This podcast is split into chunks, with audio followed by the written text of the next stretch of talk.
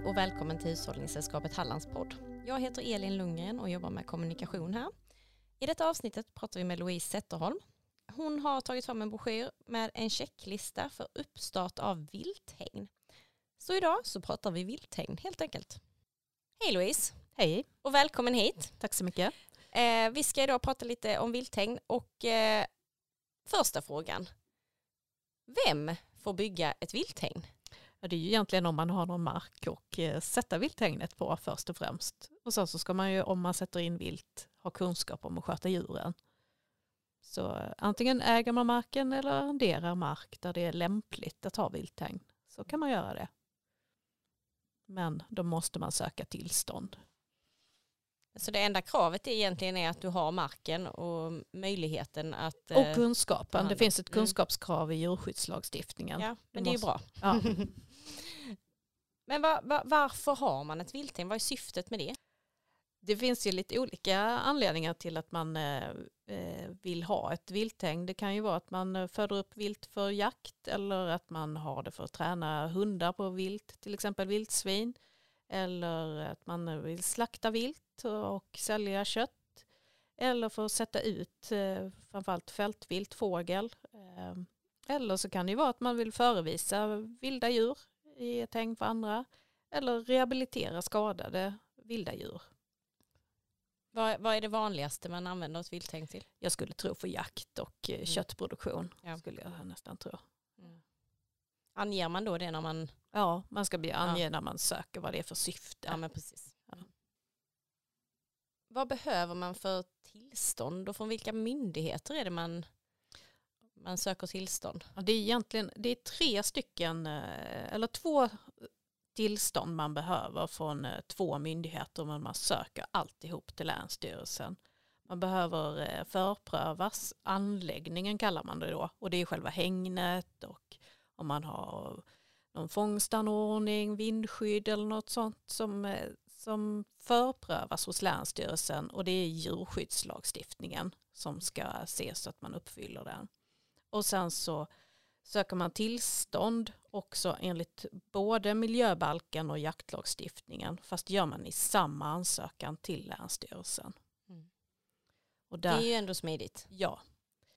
Sen ser det ut som länsstyrelserna har jobbat på de sista åren att eh, göra den här processen lite enklare och att man ser över så det liknar i olika delar av landet. För jag misstänker att det är kanske inte så många ärenden per, per länsstyrelse och år Nej. som kommer in. Och miljöbalken det är ju då för att reda ut hur, eh, hur eh, vilthägnet kan påverka omgivningen. Och det kan påverka själva naturen eller människor som rör sig. Eh, det är ju, man går ju, hängnar ju in då så påverkar man ju allemansrätten i princip. Så oftast så ska man ha något eh, så man kan ta sig igenom stöttor eller något Uh, Om det Mm. finns, om man sätter hängnet över en befintlig väg eller stig så ska man kunna ta sig igenom hängnet då. Mm. Eh, och sen jaktlagstiftningen det är ju för att skydda att det är vild, vilda djur, vilt Mm. som vi hängnar in. Mm. Vad ska man tänka på innan man börjar bygga sitt vilthägn?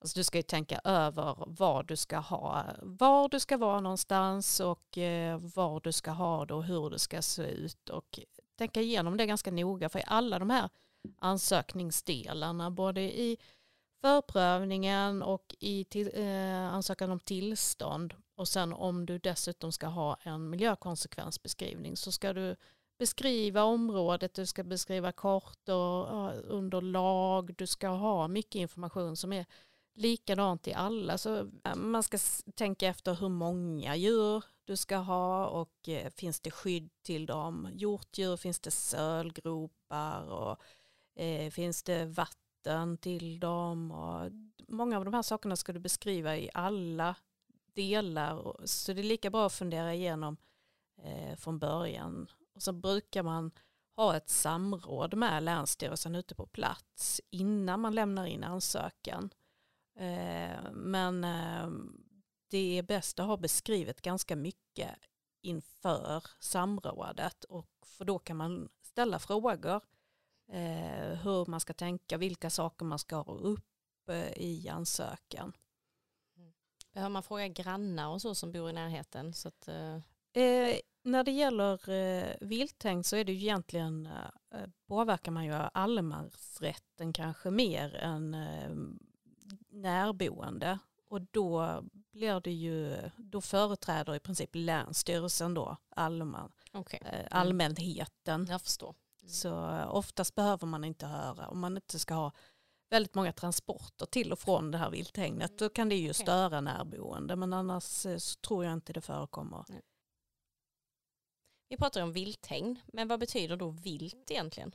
Det är djur som någonstans i världen lever vilt, alltså inte domesticerade djur som eh, våra husdjur, kor, grisar som vi har till mm. Eh, livsmedelsproduktion, utan eh, vilda djur någonstans. Och sen så får man då lov att ha till exempel hjortdjur, kronhjort, dovhjort, älg i vilthägn, vildsvin. Ehm, mm. Ja, djuren de ska ju vara födda i vilthägn, de man eh, får lov att ha i vilthägn. I. Man får inte fånga in en, eh, ett vildsvin och sätta ett vilthägn. Utan Nej, hur gör, alltså, hur gör man Så då? då får man ju köpa från andra, andra, från vilt, andra ja. vilthägn. Okej, okay. mm. mm. då är jag med. Har man vilt, äh, vilthägn för typ fåglar och sånt också eller? Ja det kan man ju ha för till exempel fasaner och rapphönsänder ja, som man föder upp. Mm. Eh, och det är ju oftast mindre voljärer då mm. som man har. Eh, och eh, det kan ju vara så pass små så man kanske har dem inte ens en gång.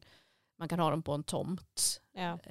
och då behöver man kanske inte ens en gång lämna in en tillståndsansökan. Men det är, utan bara en förprövning. Men det är bäst att kolla med Länsstyrelsen innan mm. vad som gäller. Alltid gå via Länsstyrelsen. Ja. Det men om, om jag känner så här att ja, men jag skulle vilja starta upp ett vilthägn, hur, hur gör jag då? Vad är bäst? Vilken, vilken väg ska jag gå då?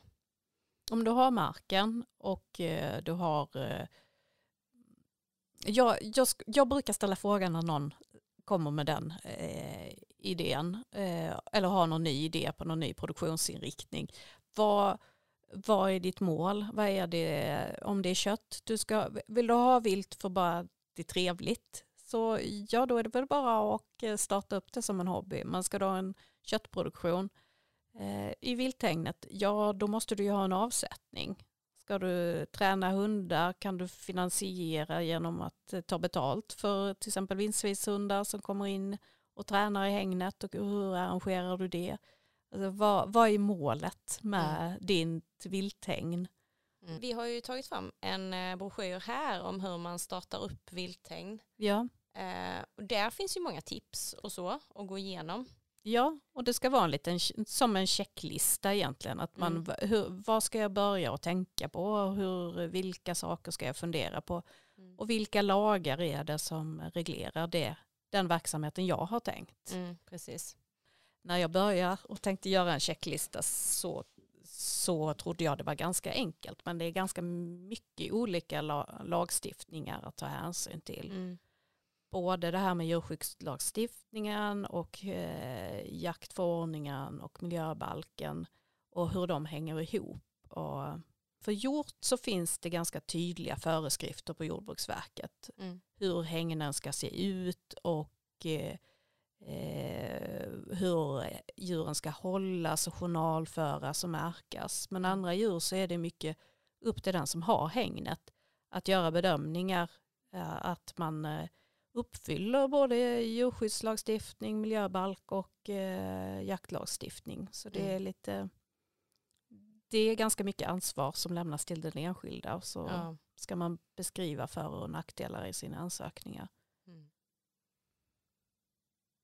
Mm, men då är det ju jättebra att vi har den här checklistan. Ja. Och den finns ju, man kan ju få tag på den här hos oss på Hushållningssällskapet Halland. Eh, och den finns ju också på vår hemsida.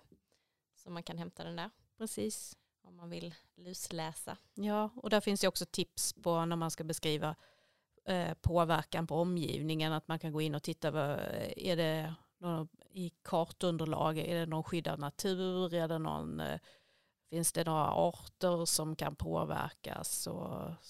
så man kan se var man ska titta.